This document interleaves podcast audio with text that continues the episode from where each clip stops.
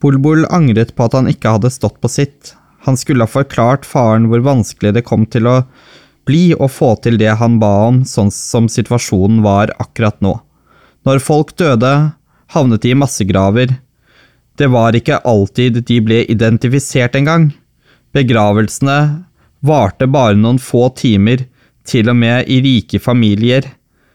Døden var ikke lenger en oppvisning i hvor bemidlet man var. Noen roser, noen få sørgende som satt og gjespet i et halvtom stue et par timer, og noen som mumlet vers fra Koranen, og så var det hele over. Det fantes ikke spor av ærefrykt i en sånn stillferdig begravelse, tenkte Bolbol. For første gang var alle jevnbyrdige. I møte med døden var de alle like.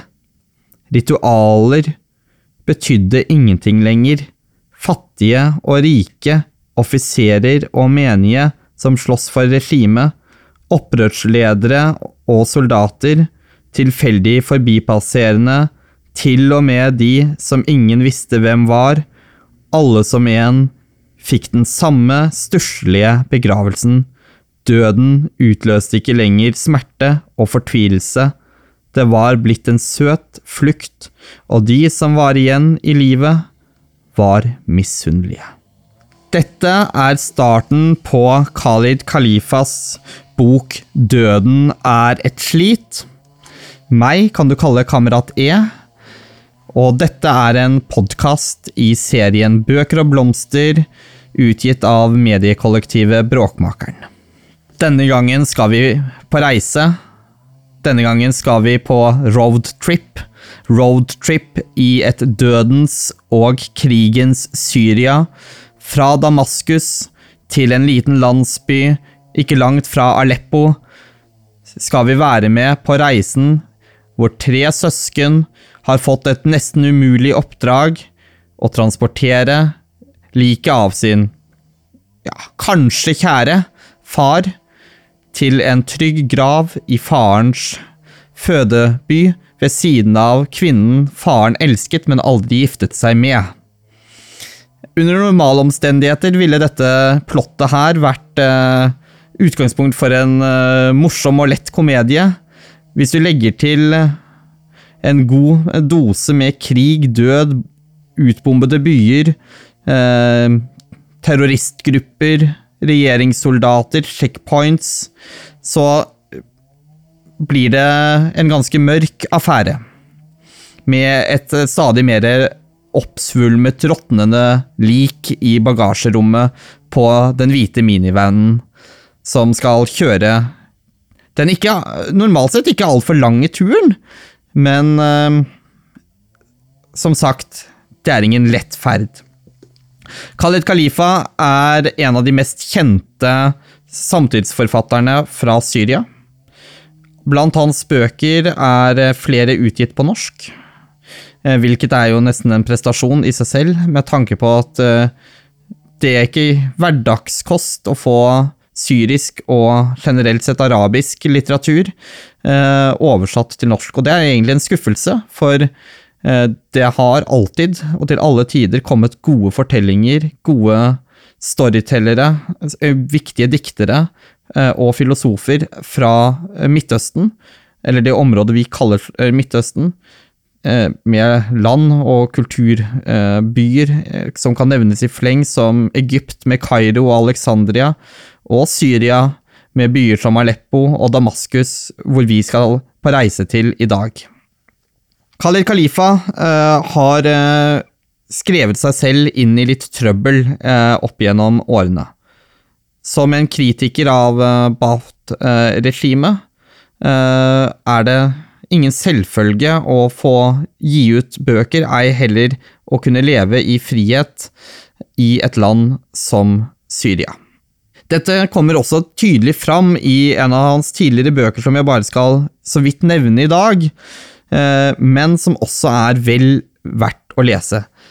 Den heter Ingen kniver på kjøkkenet i denne byen, og den, eh, I den romanen får vi en presentasjon av en by. Byen som spiller hovedrolle i den romanen, det er Aleppo. Best kjent for oss som relativt i stykkerbombet by nord i Syria. Det kan nevnes at den i sin tid Dette har vært omdiskutert land gjennom årtusener. I sin tid var jo byen også et av de siste strongholdene for korsfarerne i Midtøsten.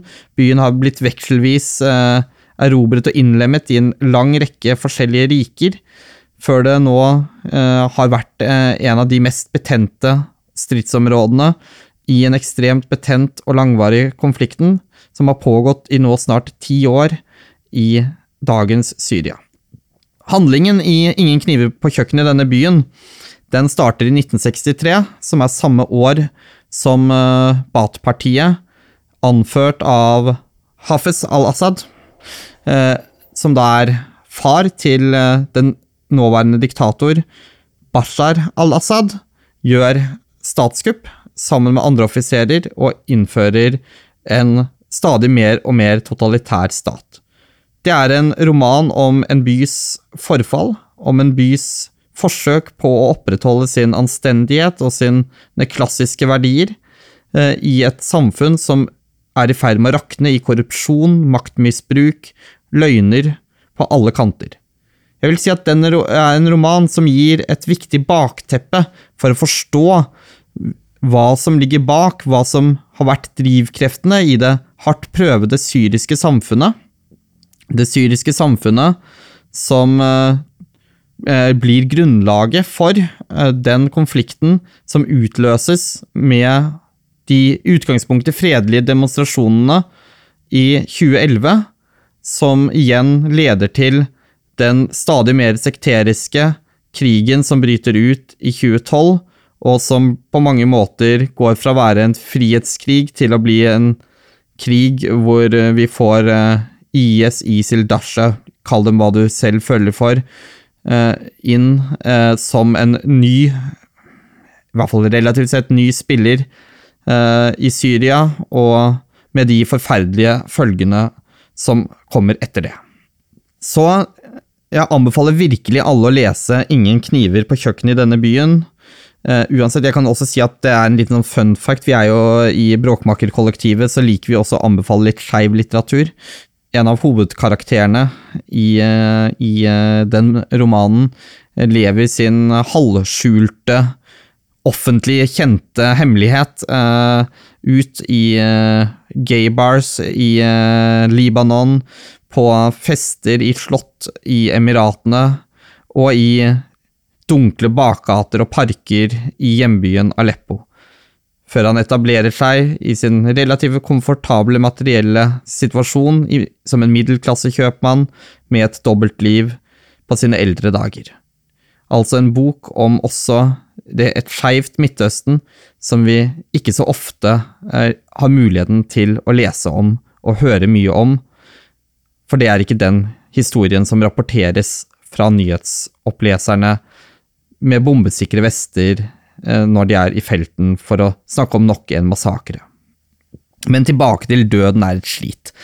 Allerede så tror jeg dere skjønner litt av tegningen når, eh, når jeg eh, leser opp og presenterer det første lille utdraget her.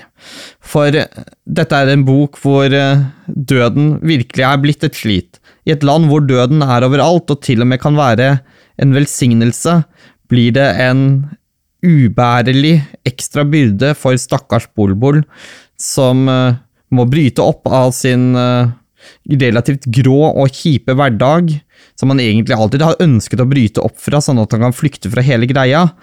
Eh, men han må tvinges til å bryte opp i den for å begrave liket av sin far, som han har lovet på dødsleiet at skal få lov til å bli begravet ved siden av sin store kjærlighet i fødebyen.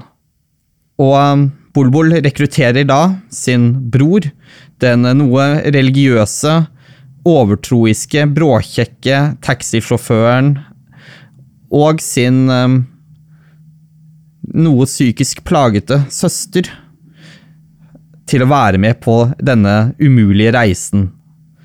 Ja, det er en umulig reise, og vi skal nå høre hvordan det går når de er på vei ut av Damaskus. Soldatene på den siste kontrollposten ut av Damaskus nøyde seg med å se raskt på papirene før han lot dem passere. Det var eh, mange lik som skulle ut av byen i dag, og det var like mange som kom inn. Soldatene som sto der, møkkete av gjørme, syntes det var et grufullt skue med alle likene som innevarslet deres egen nært forestående død og det skulle de så, kl så, klart helst ha sluppet å tenke på. Hussein så ikke på klokken. Han pustet lettet ut, de hadde greid å komme seg ut av trafikksmørja på Abbasidia-plassen, og bak dem var Damaskus i ferd med å forsvinne ut av syne. Nå var målet å komme seg til Anabiaya før midnatt. Fatima og Bulbul ble med ett litt mer optimistiske igjen, og de, gikk over, og de gikk over det de hadde ordnet med til turen. Vannflasker, røyk, ID-papirer og det lille av kontanter de hadde igjen. Han døde på et gunstig tidspunkt. Kroppen råtnet ikke like fort midt på hustrige vinteren. Det var flaks at han ikke døde midt i august, når fluene svermer og eter opp de døde kroppene. Å dø er en ensom affære, men de som står igjen, blir overlesset med forpliktelser.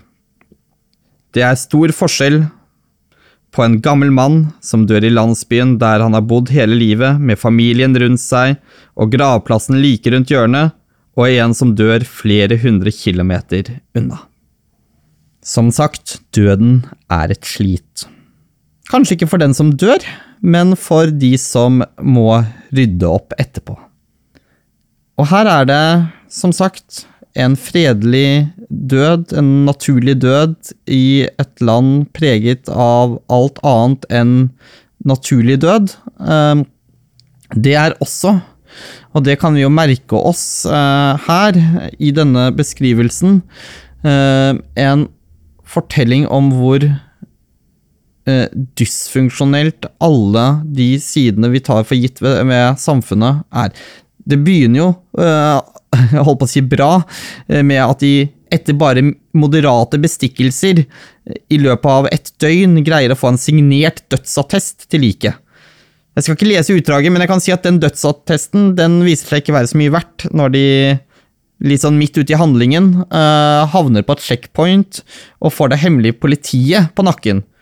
For selvfølgelig er denne faren, som var en sann idealist som trodde på Syria, både på regimet når det tok makten, han trodde på framtiden og optimismen, og han trodde på revolusjonen han, uh, og frihetskampen som kom etter 2011. Han trodde på det, han var optimist, og ble derfor også forfulgt av myndighetene. Så det stakkars liket blir arrestert av sikkerhetspolitiet fordi de ikke kan legitimere seg selv, og nekter å svare på agentenes utspørring. Det er noe absurd, groteskt, humoristisk ved det. Hele settingen virker så fjern som man kan få den. Jeg kan jo avsløre, siden dette er midt i historien, at de ja, greier faktisk å bestikke liket ut av arresten. Og får Og unngår å måtte skrive, få en regimetro lege til å skrive ut en ny dødsattest for å bevise at liket faktisk er dødt og kan frigjøres for begravelse for andre gang. Men allikevel. Det er den type historier som dukker opp til stadighet, der de prøver å snirkle seg fram på hovedveier og eh, i stykkerbombede bensinstasjoner og mellom brennende busser og, og, og hauger av lik, eh, med da dette stadig mer eh, og mer råtnende saken, som en gang var en far, i, i baksetet på denne minibussen. De prøver å utstyre minibussen med sirener, og de har også tiltak som å drysse basilikumblader over, over liket. Kjøpe inn isblokker, eh, sånn at liket ikke skal råtne for fort, eh, og andre eh, tiltak. jeg skal ikke si hvordan det går når de plutselig støter på islamistene oppe i, oppe i fjellheimen, eh, når de begynner å nærme seg Aleppo. Men jeg kan si at det er mange av disse små eh, historiene som på sitt vis illustrerer hvor eh, fragmentert hele landet er. Og der er vi også inne på tittelen 'Døden er et slit', for hva er det egentlig som dør i denne fortellingen? Hva er det som er det døende, eh, og kanskje allerede døde? Er ikke det kanskje håpet og optimismen og troen på Syria? Troen på Syria representert ved denne idealistiske, optimistiske faren, eh, som eh, Eh, gikk fra å være en relativt tro mot systemet-person til å bruke all sin tid på å plante en ny kirkegård for det han kalte martyrer for frihetskampen i en liten landsby utenfor Damaskus, hvorpå denne faren da etterpå, når helsen ble for dårlig, igjen måtte flytte inn til Damaskus, til sønnen, for at Bulbul da skulle passe på sin aldrende far. Eh, sønnen beklager seg jo et eller annet sted i denne fortellingen på at eh, hadde han bare eh, Kunne ikke disse folkene i, i, i denne landsbyen bare eh, begravd han der, eller hvorfor kunne han ikke bare dødd der? Eh, hvorfor må jeg, stakkars meg, dra ut på denne turen med mine to søsken, som jeg egentlig hater, eh, for å gjøre denne plikten? Eh, veldig mye av denne fortellingen handler om Bulbuls klaging over sine egne forpliktelser og sine egne dumdristighet, og ikke minst fraværende evne til å si nei når folk ber han om å gjøre tjenester han egentlig ikke selv vil gjøre. Eh, og så kan det jo være en liten bonus, da, eh, uten at det skal røpe for mye, at eh, Aleppo og, eh, og, denne landsbyen de opprinnelig kommer fra, ligger litt nærmere grensa til Tyrkia, litt nærmere grensa til Europa, og det er nok kanskje eh, søskenflokkens egentlige motivasjon for eh, å ta på seg oppdraget med denne roadtrippen. som jeg må si, i serien Roadtrips er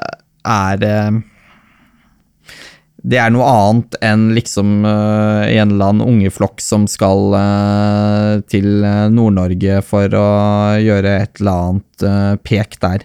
Dette er litt mer hardcore, og med all sin brutalitet også veldig morsomt. Så dette er en roman som jeg virkelig anbefaler til alle, gitt at man har en viss hva skal jeg si, en viss sans for mørk humor. Det er også for øvrig en roman, og det har vi jo kommet litt fram på, som tar oss med til Syria. Det tar oss med til eh, et Midtøsten som vi på mange måter ser relativt ofte, men allikevel ikke ser ofte.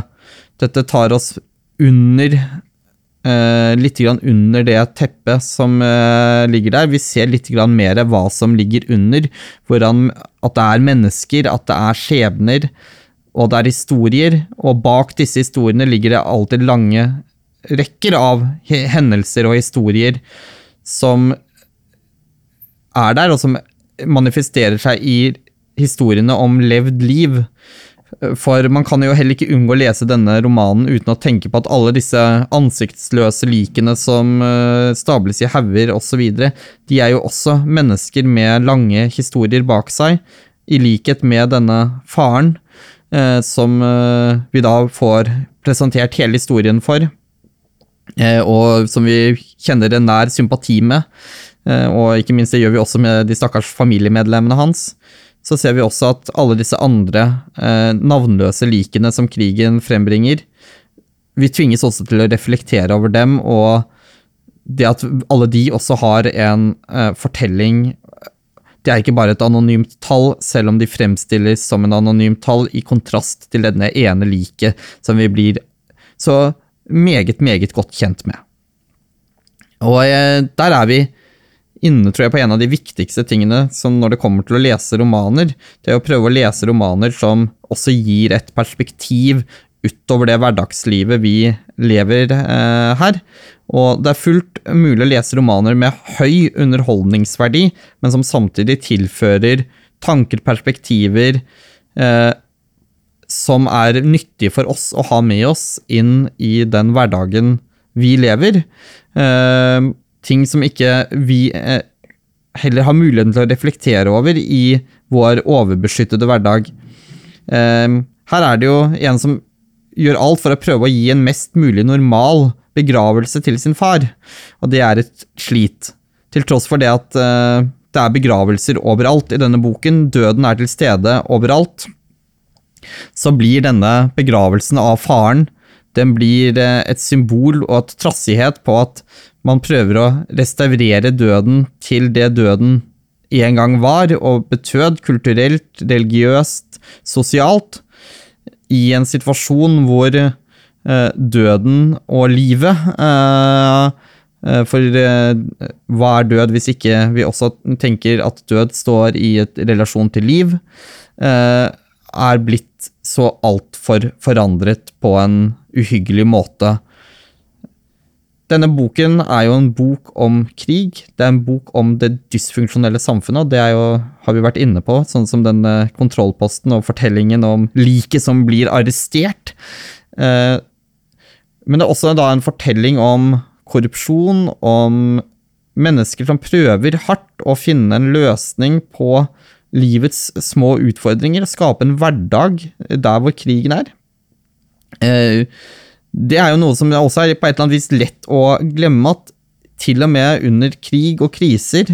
Og det har vi jo sikkert, det har vi jo alle følt litt på nå med denne pandemien. Ikke det at vi i Norge akkurat har lidd såpass uh, hardt uh, under covid.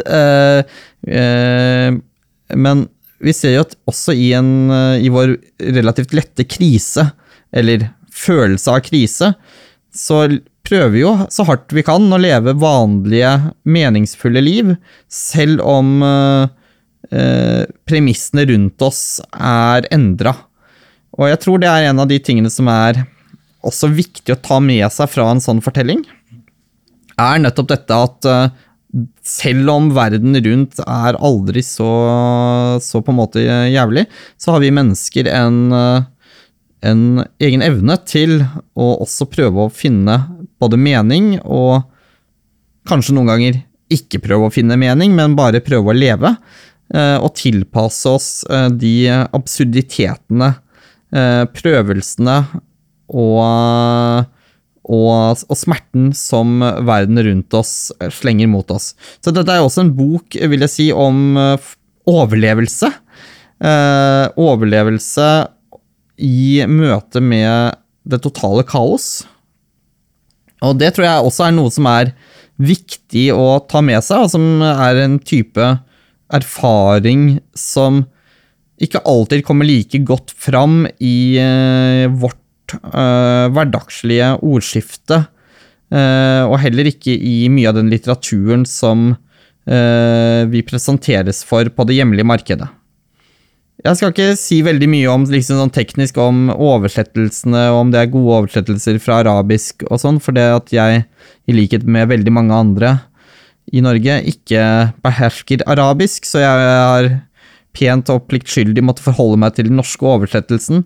Men jeg kan si at oversettelsene i, av både eh, 'Døden er et slit' og 'Ingen kniver på kjøkkenet i denne byen' er, eh, flyter godt. Språket er eh, levende, og eh, et eller annet i meg sier at selve setningsstrukturen med relativt korte, men meningstunge setninger og den litt sånn lett oppramsende og poetiske stilen er relativt tro mot, mot stilen i, i, i, den syriske litteraturen. Så dette er jo også en fryd å lese. man føler jo på et eller annet vis som man blir glad i, i disse karakterene, hvor dysfunksjonelle de enn er. Og for meg er i hvert fall 'Døden er et slit' og også 'Ingen kniver på kjøkkenet' er bøker og romaner jeg vil anbefale varmt. Og det er ikke bare fordi at du liksom skal fylle opp kvota di over bøker fra, fra Syria. Eh, hvis du har en sånn kvote. det å lese, det er å være på reise, og i år, eh, og generelt sett nå, er det jo mange gode grunner til å ikke legge ut på reise, og i hvert fall ikke til Syria. Eh, skjønt det finnes også tryggere områder i Syria. Eh, vi kunne sikkert nå ha brukt tid på å snakke om eksperimentet i, med, i, i Rojava, og hva man gjør der. Vi kunne ha brukt tid på å snakke om også hvordan en sakte, men sikkert en merkelig postkrig eh, normalitet er i ferd med å etablere seg i eh, deler av områdene rundt Damaskus, der eh, regimet har eh, sementert sitt grep. Men det er på en måte historier som ligger utenfor det plottet og den handlingen som vi eh, ser på i dag. Eh, det er en reise fra sør til nord eh, gjennom Syria, slik Syria fortonet seg i første halvdel av den krigen som nå har vart i nesten ti år. Nesten ti år, eh, og det har vært en av de mest kostbare eh, krigene i verdenshistorien. Det er dessverre i år mange Et annet jubileum for en annen krig, som vi kanskje kommer inn på senere, nemlig 20 år siden eh, Vesten gikk inn i Afghanistan. 20 år siden 11. Eh, september. 20 eh, år som har på mange måter formet verden, skapt helt nye diskurser innen internasjonale relasjoner, internasjonal politikk, som har endra troen på hvilke skillelinjer som er i verden. Og vi er ennå ikke ferdige med Eh, med på en måte de i Vesten, og i hvert fall ikke i Midtøsten, med ringvirkningene fra 11.9.2001. Eh, eh, samtidig er det jo nå en helt ny generasjon som lever i en virkelighet som er helt post 9-11. De som er unge i dag, de som er i slutten av tenårene, i starten av 20-åra, de er født alle sammen etter eh, 9-11, eh, eh, og har en helt annen på en måte forståelse. De har ikke et minne om en verden eh, sånn verden var på 90-tallet. Og lever i en, i en post end of history-verden, som er veldig viktig på en måte også å begynne å reflektere enda mer på. Ikke minst også hvordan verden beveget seg fra 50-60-tallet og hele veien dit. Og det kan jo altså nevnes. Eh, Syria var jo også i sin tid et land som var på mange måter kolonialisert og et protektorat under bl.a. Frankrike. Og det uh, kommer litt fram, spesielt i da Ingen kniver på kjøkkenet i denne byen. Samtidig så er hele handlingen uh, utspiller seg i, uh, i det nasjonalistiske Syria etter at, etter at det har gått noen år med uavhengighet fra franske, det franske styret. Det er lett å lese på en måte inn at alt er kolonialistenes feil, alt er på en måte skapt av ekstern påvirkning. Det er USA som er skyld i alt som skjer i Midtøsten. Det er en type fraser som vi stadig vekk hører. Det er også en del fraser som at det er islam som er skyld i alt som skjer. Hvis jeg, uten å skal lese for mye inn i det, men hvis, slik jeg leser eh, eh, Khalifa, så er det Ja, det er ikke usant at det ligger skyld på andre siden av Amerika eller i en flere hundre år gammel religion, men eh, vel så mye skyld i den lidelsen som er, ligger i korrupsjonen, i maktmisbruket og hos de forskjellige individenes kamp om makt eh, og posisjon, eh, kombinert med selvfølgelig de klare klassestrukturene og de sosiale hierarkiene, eh, som også da er, blir prøvet og utfordres i disse samfunnene. Eh, et stort, stort ansvar hviler for dagens situasjon, eh, i hvert fall slik vi kan lese hos Khalifa, i den generasjon eh, offiserer som i navnet til sosialisme og stabilitet og nasjonalisme eh, tok makten i land som Egypt, Syria, Irak på 1950- og 60-tallet, og som eh, i den perioden eh, etablerer sin dominans, og som har påvirket disse landene og styrt disse landene helt fram til vår tid. Dette har vært militærstyrte diktaturer etter stort sett en fascistisk modell, men ofte med sosialisme og nasjonalisme i statsnavnene.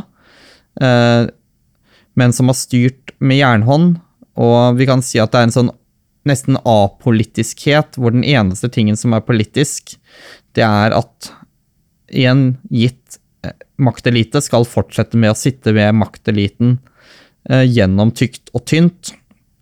Eh, og enhver motstand vil jo da selvsagt kunne øh, konstrueres inn i et eller annet ideologisk øh, skjema som enten imperialister, islamister, religiøse fanatikere, hva det måtte være. Faren er jo selvfølgelig at når vanlige folk eh, innimellom gjør opprør, når de rett og slett har blitt møkk leie, så er det altfor lett for myndighetene fortsatt å peke på alle andre som skyld i det som egentlig er deres egen fadese. Og når man først begynner å trekke til våpen, så er makt og vold det eneste språket de egentlig forstår, og det dessverre snakker de altfor godt, og dermed så har vi hatt lange, lange kriger. Men det skal heller ikke underkommuniseres, disse krigene hadde jo aldri eh, kunne fortsette i det uendelige, hadde det ikke vært for den jevne strøm av f.eks. våpen eh, og penger eh, som har gått inn og ut av eh, disse krigssonene, enten vi snakker om Jemen, eller at vi snakker om Sinai, eller som i dette tilfellet Syria. Så det er mange refleksjoner man må gjøre. Og så sitter man jo her og tenker hva er det Norge har gjort, hvilke posisjoner har norske politikere tatt? Eh, var det ting man kunne ha gjort annerledes i den tidlige fasen? Eh, var det riktig å si en sånn eh, ingen deal med diktatorlinja når man møtte eller så Assad bombe sin egen befolkning? Var det riktig å, å ikke legge større press på dem som sørget for at opprørsgruppene fortsatt kunne mobilisere? Var det riktig av USA å trekke seg ut, og på den måten skape en maktvakuum som gjorde at Tyrkia kunne rykke inn? Det er så mange ting med Syria som vil være opp til historikerne og framtiden, og eh, også samtiden, å dømme. Eh, at det ville være altfor omfattende på denne korte podkastepisoden å gå inn på alle. Jeg vil bare avrunde med å lese litt mer fra romanen. Å gi seg hen til minnene sine er den beste måten å få bukt med smertene de volder deg. Når du henter dem frem igjen og igjen, mister de glansen. Det var det Bulbo gjorde da minibussen forlot kontrollposten utenfor Sett han hadde det så vondt at det kjentes som han skulle synke ned i jorden. Det var en klar morgen utenfor. Det hadde senket seg en merkelig stillhet etter nattens kraftige bombeangrep, men de viste at den kom til å ta slutt når det begynte å nærme seg området der kampene hadde vært på det voldsomste de siste to og et halvt årene. Opprørsstyrkene hadde tatt kontroll over de viktigste veiene, og dermed var det tilgang på drivstoff og hvete til regjeringsstyrkene. Da er vi kommet til veis ende i denne podkasten. En stor takk vil jeg rette til eh, min tekniske hjelpende ånd, eh, Felix, for eh, all teknisk support med denne innspillingen. Så må jeg beklage hvis det har vært litt sånne rare lyder i bakgrunnen. For uh, det viser til at det er veiarbeid uh, rett borte i, uh, i Strandveien her. For vi har spilt inn denne mellom, om ikke så mye blomster, så i hvert fall bøker, inne på Ivar Matlaugs bokkafé. Meg kan du som sagt kalle Kamerat E, og så ryktes det da at det kommer en ny podkast i hovedserien vår 17. mai, og da er temaet nasjonalisme. Så god lytting til den også.